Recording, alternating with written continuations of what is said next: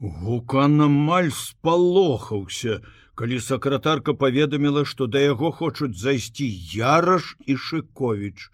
Хутка падняўся з крэсла, перабіраючы паперы, як бы шукаючы самую патрэбную, скажы, што я заняты. Это была праўда.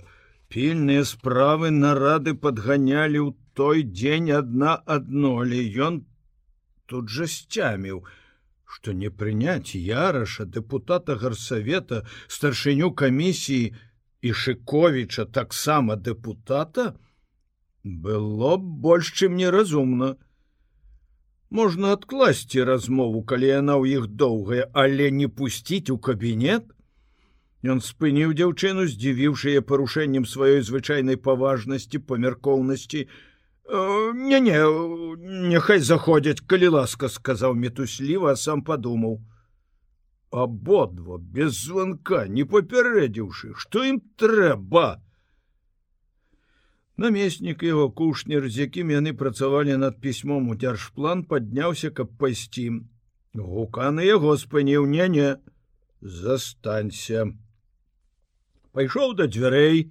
шырокай прыветліва расставіўшы руки нібы хочучы абняць яшчэ нябачных гасцей. Ну ну каго бачу выгукнуў ён калі ў дзвярах з'явілася мажная постаць яраша. Прашу прашу а то вы антон кузьміч старшыня камісіі а ў гарсавет заглядваеце рэдка Да і ты кирилла давно ўжо не быў поціскаючы руку шуковічу усміхнуўся гукан. Все ездзіш шукаеш герояў?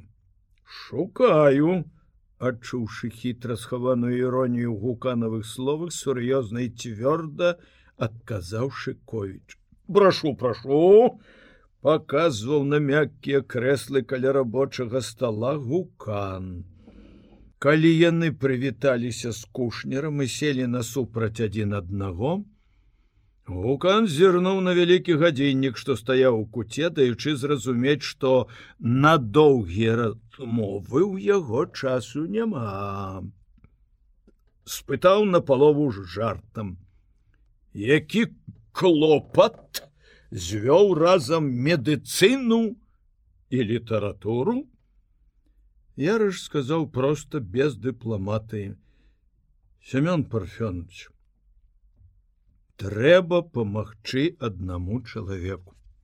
Трэба, поможам. Калі хадайнічаюць два дэпутаты, жанчыне, сказаў Шковіч, зазіраючы старшыні у вочы. Гукан увесь час самага парога адчуваў, што Шковіч не зводзіць з яго вачэй, і гэтыя дапытлівыя позіркі, што ён хоча ўбачыць, нервавалі яго. Тым больш неабходна памагчы. Трэба невялічкая на адзін пакой, але асобная кватэрка. Гукан ціха свіснуў, товарыши дорогие депутаты мои вы не ў курсе наших кватэрных спраў жанчына ў больніцы пасля цяжкай аперацыі на сэрцы подказаў шыкович разглядаючы на гэты раз гуканавы руки у якіх ён круціў тоўсты зялёны аловак яшчэ одна аперацыя на сэрцы на зацікаўлена спытаў кушнер падняўся з крэсла каля стола для пасяджэнняў дзе было прымасціўся каб не перашкаджаць размове падышоў да яраша. Что у яе нікога няма родных? Няма а дзе нажыла да аперацыі?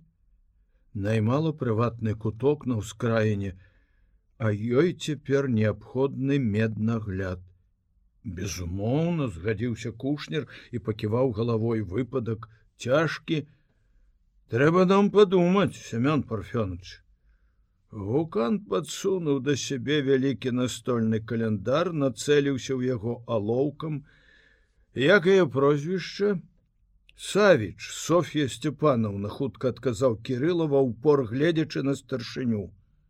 Аловак устрыгнуў расшырыўся вузкі твар каля вачэй тут жа звузіўся шчокі аплылі ўніз абяскровіліся глыбокія залысіны гукан залішне доўга не ўзнімаў вачэй а потым схамянуўся хутка глянуў і нешта накшталт сумнай усмешкі скрывіла яго вусны.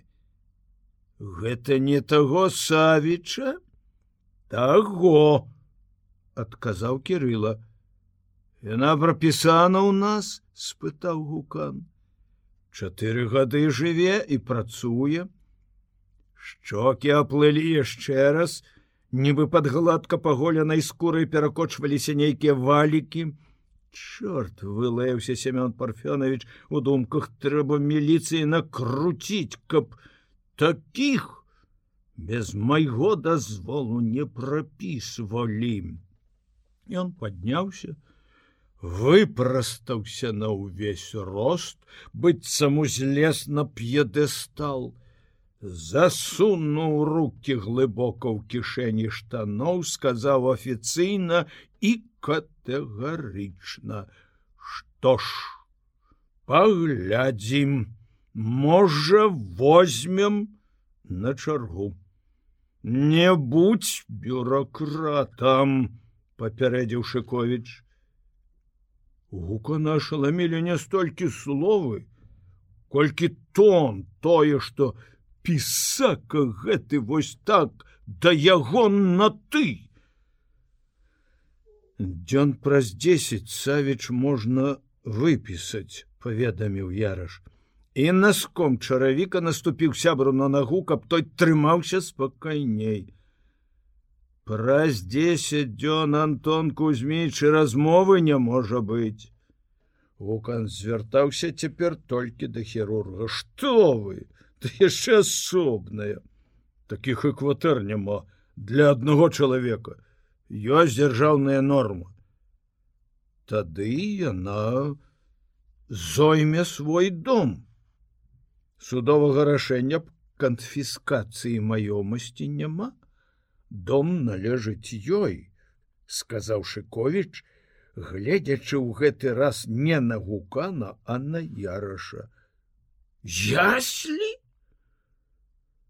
На міг аслупянеў старшыня а потым шырока махнуў руками як журавель на ўзлёце крыламі закрычаў здавалася ўзрадавана цудоўна цудоўна да кушнера! Ты чуў выкінем на вуліцу дзяцей сотню дзяцей аддамо дом у якім дарэчы амаль нічога не засталося савічавага Ён перабудаваны, надбудаваны намі з табой. Аддамо гэты дом каму? А? Да це Віна Савіча не даказано, перапыніў яго кірыла. Гукан шырокімі крокамі выйшаў з-за стола і стаў перад шыковічам, у непахіснай паставе з цвёрдасцю і жорсткасцю ў твары. Не, таварышыкович, доказана, вельмі добра доказана всімі органамі. А вы не думайте, што калі знайшлі нейкую знахарку і яна наплела вам казак, дык вы ўжо ўсё доказалі зрабілі пераварот у гісторыі падполля. Вы наіўны чалавек шыкович для мяне цяпер ясна чаму напісаны ваш артыкул. Як толькі появілася гэтая асоба пра асобу гэту ты помаўчы кирилла хацеў сказаць хто як не ты загнаў яе ў сібір. Але я раж знаў што турхануў яго ногой. Антону Кузьмічу хацелася патушыць гэтую нечаканую вспышку. Цяпер галоўная мэта кватэра. Ён даў сабе слова любымі сродкамі вырваць для зосі пакой. і сварыцца з гуканам зусім не ўваходзіла ў яго планы. Не прэтэндуе яна на дом, сказаў ён. На ліха ёй той дом. А вось камуніст, работнік рэдакцыі прэтэндуе. Вукан адступіў ад Шковіча, павярнуўся да свайго намесніка. Дзеля гэтага ён гатовы выкінуць дзяцей. Чого хочаш, абы даказаць сваё. Ух, і ты маго сабачы сын выдаў бы я табе, думаў Шковіч, але пад выразнымі позіркамі і жэстамі сябрам маўчаў. А чаму сапраўды мы не можам даць кватэру гэтай жанчыне? Неспадзявана для гукана спытаў кушнер. Ён не ўсё зразумеў са спрэчкі, але чалавек сумленны просты і шчыры адчуў, што праўда на баку хірурга і пісьменнікам, што жанчына гэтая мае все правы на кватэру. Гукан аж крутнуўся на адной назе да намесніка. Ты можаш даць?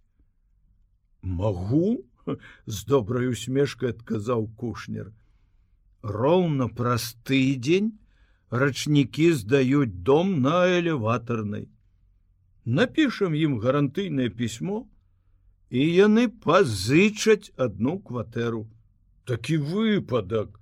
Ну ведаеш, я не магу, адказваць за падобны шахер-махер. Ёсць партыйны грамадскі кантроль які ж тут шахер-махер? Вынесем на выканкам попросім таварыша яраша далажыць а я тым часам дамоўлюся з рачнікамі яны хлопцы добрыя зразумеюць. Спакойная разважлівасць кушнера неяк адразу утаймавала ўсіх нават гукана.